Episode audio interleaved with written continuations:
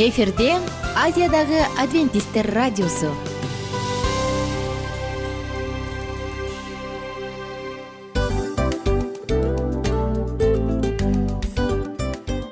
Достор салют. Баардык сүйүктүү угармандарыбызга салам айтабыз. Кутман күнүңүздөр менен. Ден соолук өмүрдүн булагы демекчи саламат саамы программасында баарыңыздарды көргөнүбүзгө абдан кубанычтабыз. Анда алгач амандашып өтөлү арбаңыздар деп. Ден соолугуңуздар кандай элибизде көбүнчө ден соолук кандай дегенде эле жакшы деп жооп беребиз э ооруп турсак дагы жакшы дейбиз. Анан мен муну айтып ойлойт элем бул абдан сонун сөз депчи анткени бул жакшы деген үмүт да ооба баары жакшы болот. Баары сонун. Деп үмүттөнүп атып эле өзүбүздү өзүбүз дарылап коебуз. Анысы кандай сиздин дагы ден соолугуңуз жакшы беш деген үмүттөбүз чындыгында ден соолук бул өмүрдүн булагы деп бекеринен айтылган эмес деп ойлойм. Кыргыз элинде анткени эгерде ден соолук жок болсо анда адамдын жашоосунда калган баардык керектүү маңыздуу нерселер өзүнүн баалуулугун жоготуп коет. Ошондуктан ден соолук бул эң керектүү нерсе. Ооба туура айтасың кесиптешим. Чынында ден соолугуң жок бир эки үч күн ооруп калсаң эле э кандай болуп калат? Жашоодо көз каранды болуп каласың көп нерсеге жетишпей каласың көп нерсени кыла албай каласың жада калса эчке дүкөнгө да чыга албай каласың. Туптуура анан ден соолук болсо демек биз биздин бактыбыз тоодой деп койсок болот. Анда достор саламат саамы рубрикабызды баштайлы. Алдыда өзүңүзгө керектүү болгон сонун кеңештерди уга аласыздар. Мына ошондуктан биз менен бирге болуңуздар. Ал эми биз болсо милан жана айнура.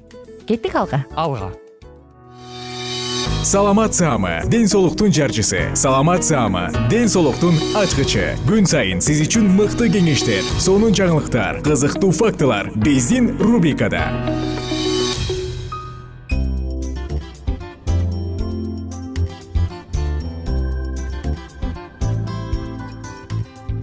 саламатсыздарбы достор? Жалпы биздин сүйүктүү угармандарыбызга сагынычтуу салам айтабыз жана сиздер менен саламат рубрикасындабыз. Эфирде мен милан жана менин кесиптешим айнура сиздерге ден соолукка байланыштуу кызыктуу фактылар менен э, бөлүшүп э, баарлашканга даярбыз.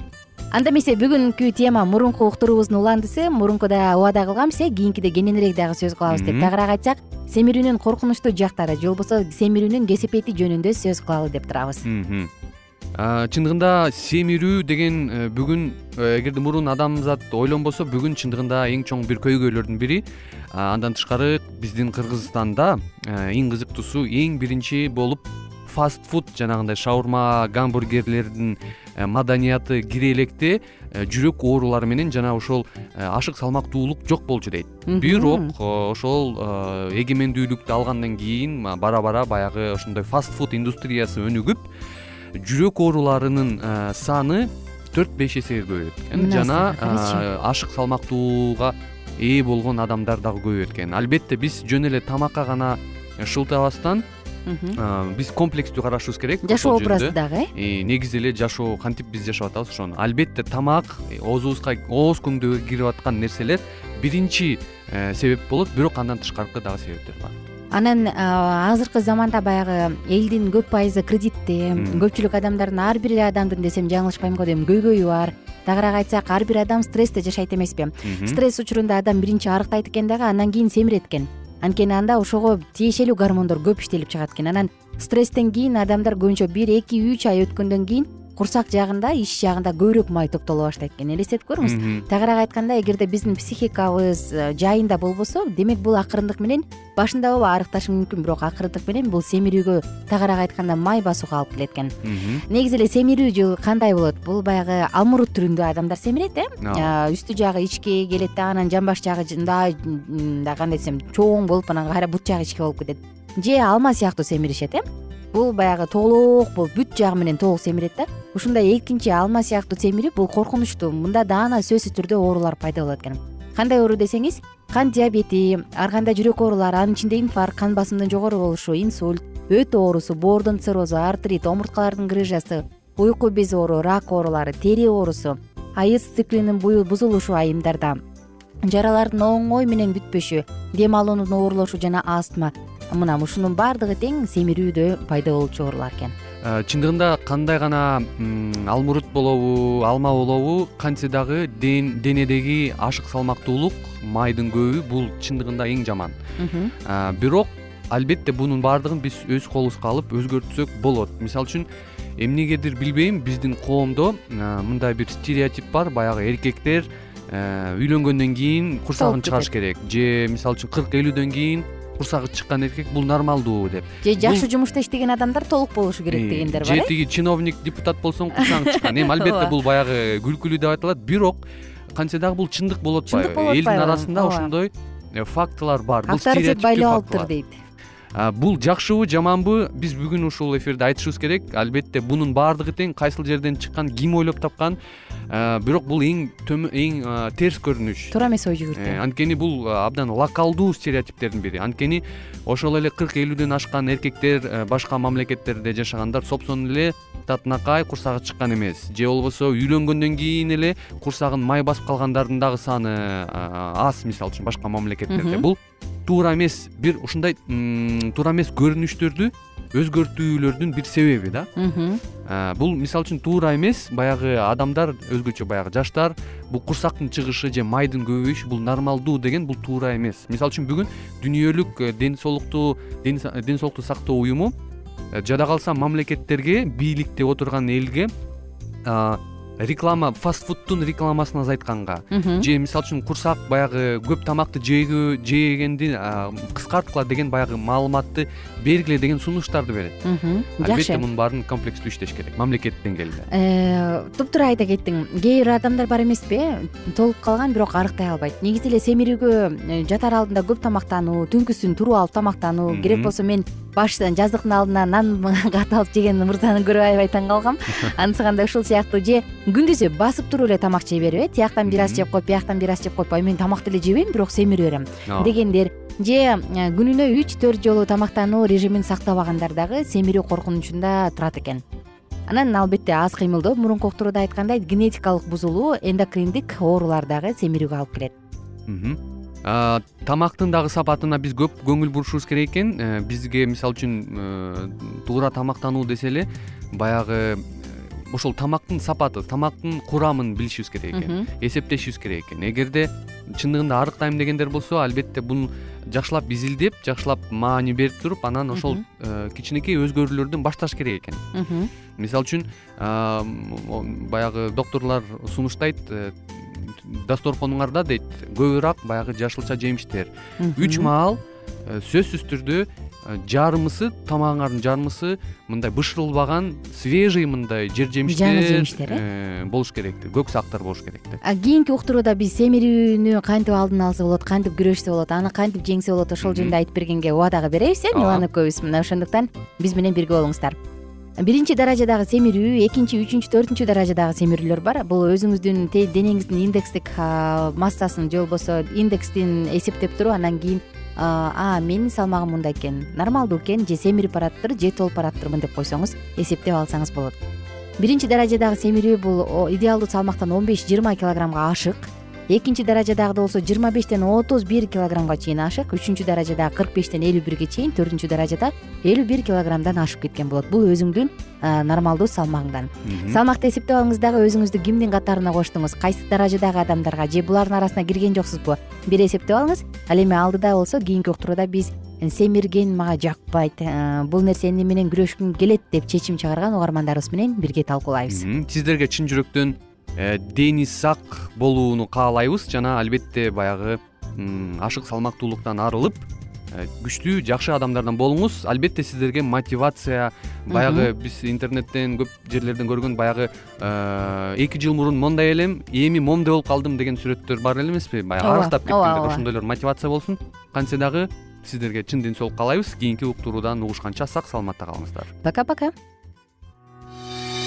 саламат саама ден соолуктун жарчысы. Саламат саама ден соолуктун ачкычы. Күн сайын сиз үчүн мыкты кеңештер сонун жаңылыктар кызыктуу фактылар биздин рубрикада.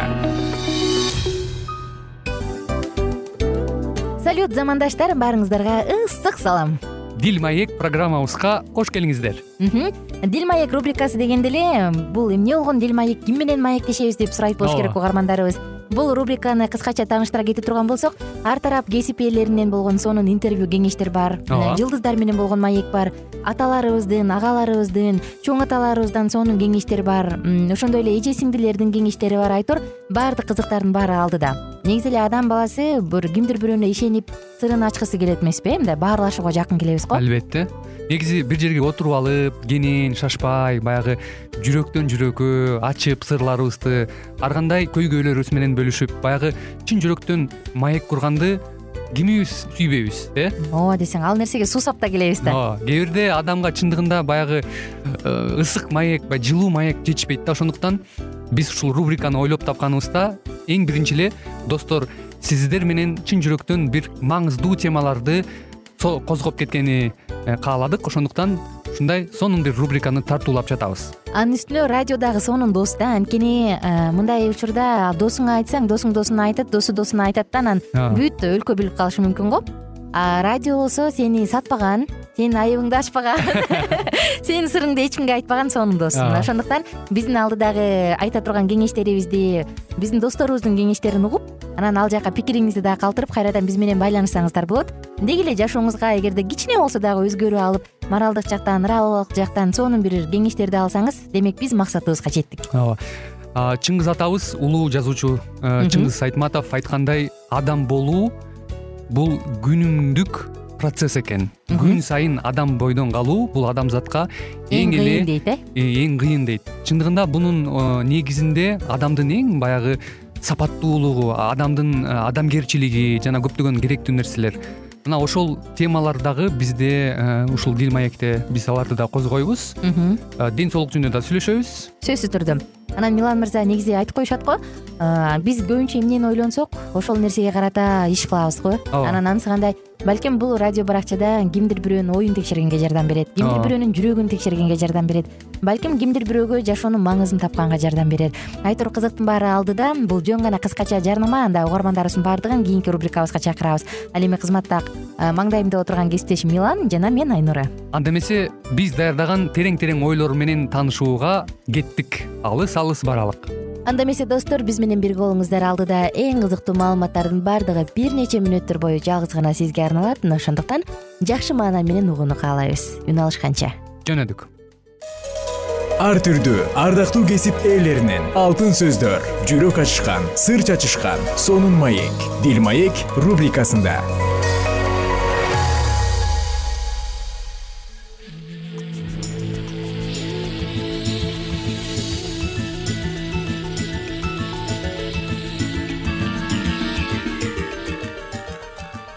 саламатсыздарбы кымбаттуу радио угуучуларыбыз кайрадан эле сиздердин назарыңыздарда бактылуу никенин баалуу эрежелери аттуу берүүбүздө кездешип жатканыбызга өтө кубанычтабыз. Э, үй бүлөлүк жашоодо деги эле бул турмушта баягы ойлогон ойду кыстаган турмуш жеңет деген дагы кыргыз элинде жакшынакай макал бар эмеспи деги эле жашоодо э, кайгы болгон учурда биз ошол кайгылардан кантип арыла алабыз? Башкача айтканда ушул кайгылардан кантип э, баягы басып өтүүгө болот? Ушул туурасында бүгүнкү программабызда кеп кылмакчыбыз. Андыктан биздин оодон алыстабай дал ушул мүнөттөрдө биз менен биргеликте болуңуз. Кайрадан эле кызматыңыздарда микрофондо аты жөнүм мен улан кубанычбеков жана ошондой эле менин кесиптешим. Саламатсыңарбы жана мен асель мамбетова деги эле үй бүлөңөр бактылуу болуш үчүн колуңардан келгендин баарын кылсаңар да кээде күтүлбөгөн окуялардан улам кубанычтарыңарды сактоо оңой болбошу мүмкүн. Анткени менен кыйынчылыкка туш болгонубузда биз эмне кылсак болот? Деги эле ушул багыттагы жашоодогу кыйынчылыктар келгенде биз эмне кылсак болот? Ушул туурасында дагы бир нече кеңештер менен бөлүшүп өтөлү. Эң биринчиден эле сезимге алдырбай туура ой жүгүртүү керек экинчисинен ошондой эле бул турмушта көйгөйлөрдү чечүүнүн жолдорун таразалап көрүп эң ыңгайлуусун гана тандап алганга аракеттенгенибиз зарыл экен. Андан сырткары өзүңөргө жана үй бүлөңөргө кам көргүлө. Түшүнө билген адамдын жүрөгү билимге ээ болот. Акылмандардын кулагы билим издейт жагдайды толугу менен эске алгыла. Үй бүлөңөрдөгү ар бир мүчөсү эмнеге муктаж болуп жатканын аныктагыла. Алар менен сүйлөшкүлө айткандарын кунт коюп уккула. Эгер жакыныңардан айрылсаңарчы андайда ыйлагандан тартынбагыла. Андан тышкары жакшы эс алып уйкуңарды кандыргыла. Бул күйүттү оңоюраак көтөрүп кетүүгө жардам берет. Андан сырткары эмне кылсак болот? Үйдөгүлөр менен дайыма пикир алышкыла. Ошондо кыйынчылык болгондо алар силерге оңой кайрыла алат силердикиндей жагдайга туш болгондор менен сүйлөшүү дагы силерге жардам берет ооба чындап эле жогорудагы айтылган кеңештер дагы кээ бир учурда баягы бизге жардам дагы бербей калышы мүмкүн. Анткени сен өзүңдүн э, жакын адамыңды жоготкон учурда сөзсүз түрдө бул нерселердин баардыгы э, көңүл чордонон чыгат дагы ошол эле учурда биз стресс абалга дагы кабылган учурларыбыз болот эмеспи. Э, бул стресс абалга кабылган учурда бул жагдайдан чыгуунун бирден гана жолу болуп бул ошол сенин кайгыңды туура түшүнө алган башкача айтканда өзүнүн башынан дагы кайгыны өткөргөн адам менен Э, баарлашуу аркылуу биз э, ушул көйгөйдөн чыкканга кандайдыр бир э, өзүбүзгө жардам ала алган болот экенбиз анткени элибизде дагы айтылган жакшынакай кеп бар эмеспи. Мисалы баш оорубаган адам кудай менен иши жок деп коет. Ал эми эгерде башынан кайгы капа өткөргөн көп тажрыйбага ээ болгон башкача айтканда жашоосунда көптөгөн кайгыларды башынан өткөргөн адам менен баарлашуу аркылуу биз өзүбүзгө дагы тажрыйба ала алат экенбиз. Анткени ал адамдын башынан өткөргөн э, окуялар аркылуу же болбосо алардын берген кеңеш аркылуу мына ушул ситуациялардан чыгып кеткенге э, абдан бир э, тийгизет экен андыктан урматтуу радио каармандар биз ушундай жашообузга кайгы келген учурда сөзсүз түрдө башынан оор кырдаалдарды өткөрө турган адамдар менен көбүрөөк баарлашканга аракет кылганыбыз жакшы экен. Албетте чыныгы дос ар убак сүйөт ал кыйын мезгил үчүн төрөлгөн бир туугандай деген жакшы сөз бар эмеспи. Досторуңар силерге жардам бергиси келет да кантип жардам беришти билбеши мүмкүн.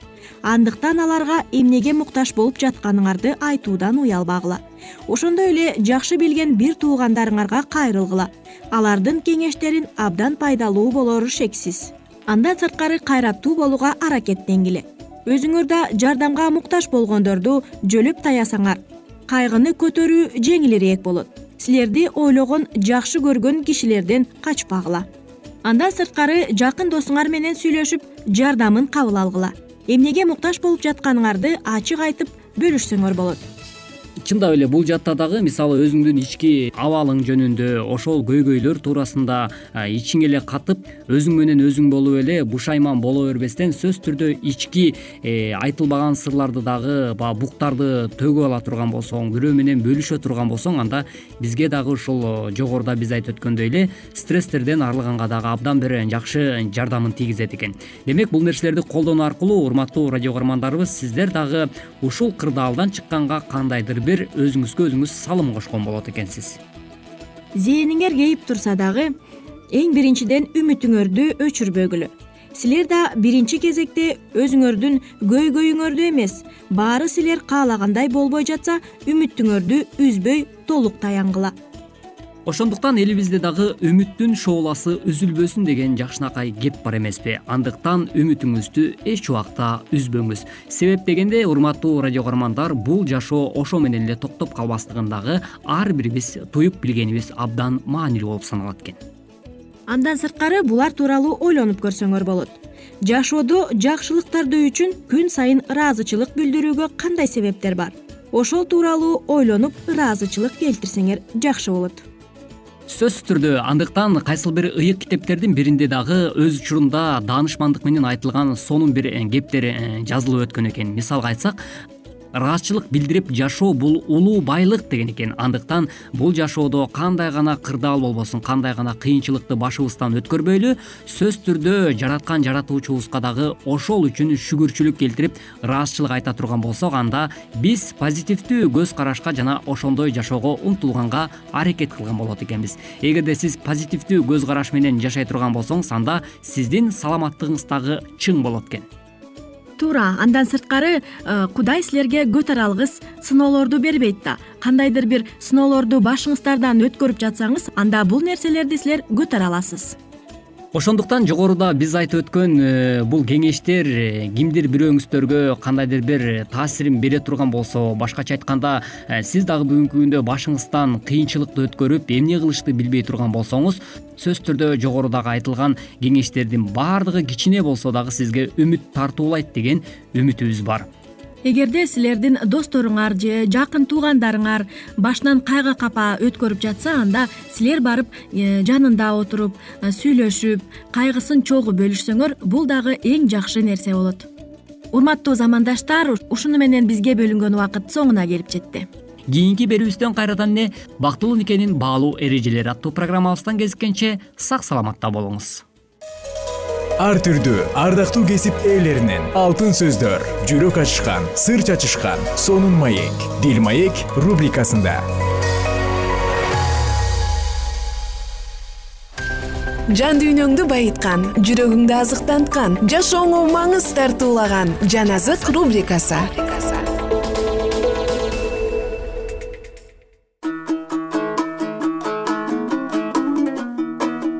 саламатсыздарбы айымдар. Жана мырзалар жалпыңыздар менен амандашып биз э, жан азык рубрикасын кайрадан баштайбыз. Жана сиздер менен мурунку октурубузду улантып тоорат китебинин ичинен орун алган забур китебин окуганды андан ары улантабыз. Эсиңизге сала кетсек мурунку октурубузда забур китебинин биринчи баптан бешинчи бапка чейин окуп өткөнбүз жана бүгүн алтынчы баптан баштайбыз. Анда алдыны көздөй жөнөдүк. Забур алтынчы бап. Ырчылар тобунун башчысына сегиз кылдуу аспап менен дөөттүн забуру. О теңир мени ачууланып ашкерелебе мени каарданып жазалаба. Ырайым кыл теңир анткени мен алсызмын. Айыктыр мени теңир анткени сөөктөрүм титиреп жатат. Жанымда аябай кыйналып турат. О теңир мага качан жеңилдик бересиң? Мага назар сал теңир. Жанымды куткар мени өзүңдүн ырайымың боюнча сакта анткени өлгөндөр сени эскербейт. Көрдө ким сени даңазалайт үшкүрө берип аябай чарчадым. Жаткан жеримде ар түнү көз жашым менен жуйм төшөгүмдү көз жашка чылайм. Кайгыдан көздөрүм соолуду. Бүт душмандарымдын айынан көздөрүм тунарып калды. Мыйзамсыз иш кылгандар баарыңар менден оолак болгула. Анткени теңир менин ыйымды укту. Теңир жалынуумду укту теңир сыйынуумду кабыл кылат менин бүт душмандарым шылдың болуп аяосуз кыйратылышсын. Артка качып күтүлбөгөн жерден уятка калышсын. Жетинчи забур. Бенжемин тукумунан чыккан куштун иши боюнча дөөттүн теңир алдында зарлаган ыры. Теңирим кудайым мен сага таянам. Мени куугунтукка алгандардан куткар мени ошолордон сакта алар мени куткаруучу жок кезде арстан өңдүү тытып жанымды сууруп алышпасын. Теңирим кудайым эгер мен бир жаман иш кылган болсом колумда жалган иш болсо эгер мени менен тынч жашаган адамга жамандык кылган болсом мага эч себепсиз душман болгон адамды да куткаргам. Анда мени душман кууп жетип өмүрүмдү тебелеп даңкымды гүлгө айлантып салсын. Теңир каарың менен ордуңдан тур душмандарымдын жалына каршы чык.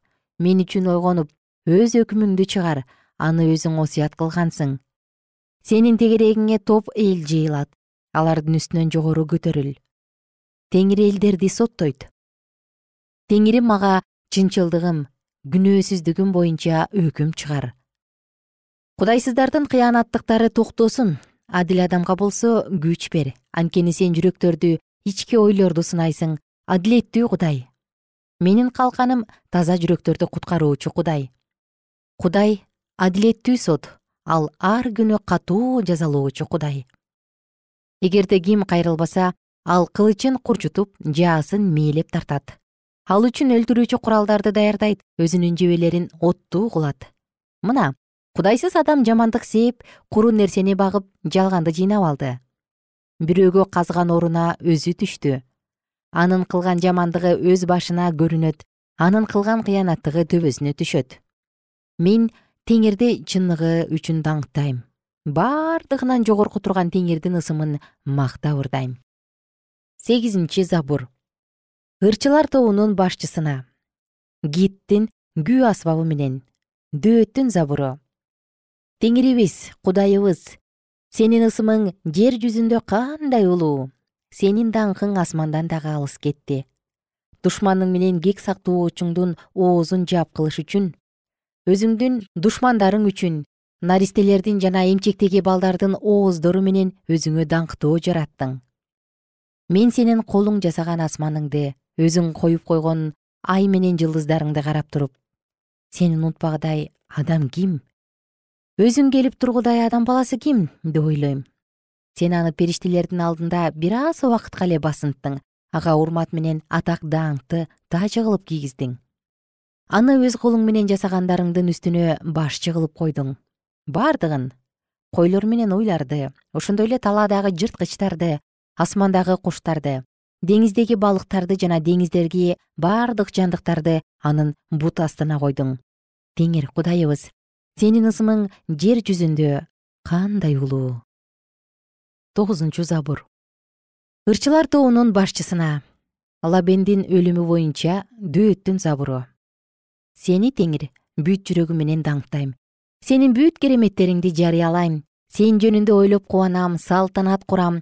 Кудуреттүү кудай ысымыңды даңктап ырдайм. Менин душмандарым артка качканда мүдүрүлүп жыгылып сенин алдыңда өлүшөт. Анткени сен мага адилеттик кылдың кыйынчылыктан чыгардың. Адилет сот сен тактыга отурдуң бутпарас элдерге каардандың кудайсыздарды өлтүрдүң алардын атын түбөлүккө өчүрүп салдың. Душмандын куралы таптакыр калбай калды алардын шаарларын талкаладың. Алардын аты өздөрү менен кошо өчтү.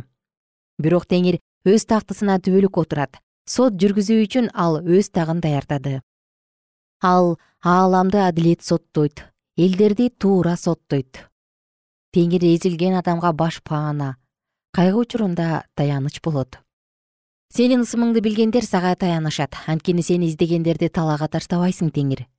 Сион тоосунда жашаган теңирди мактап ырдагыла анын иштерин эл арасында жарыя кылгыла. Анткени ал төгүлгөн кан үчүн жазалайт кан төккөндөрдү жазасыз калтырбайт. Эзилгендердин ыйын эсинен чыгарбайт. Мага ырайым кыл теңир. Жек көргөндөрдөн тарткан азабыма көз сал. Мени өлүмдөн сактоочу бир өзүңсүң. Сени сион кызынын дарбазаларынын алдында даңазалайм мени куткарганыңа кубанам. Мага көр казган эл өзгөрүнө өзү түштү. Өздөрү жайган торго өздөрү чалынып калышты. Теңир өзүнүн жүзөгө ашырган соту менен даан алды. Кудайсыз адам өз колу менен кылган кылмышы үчүн кармалды. Кудайсыздар кудайды унуткан элдердин баары өлгөндөр жаткан жайга түшүшсүн. Анткени жакыр биротоло унутулбайт. Жардынын үмүтү биротоло үзүлбөйт. Теңир ордуңдан тур адамдар үстөмдүк кылышпасын бут барас эл сенин алдыңда жазалансын теңир аларга коркунуч жибер элдер өздөрүнүн адам экенин билишсин. Кымбаттуу угармандар сиздер менен бүгүн забур китебинен дагы сонун эки үч бапты бирге окудук. Кийинки уктуруубуздан улантабыз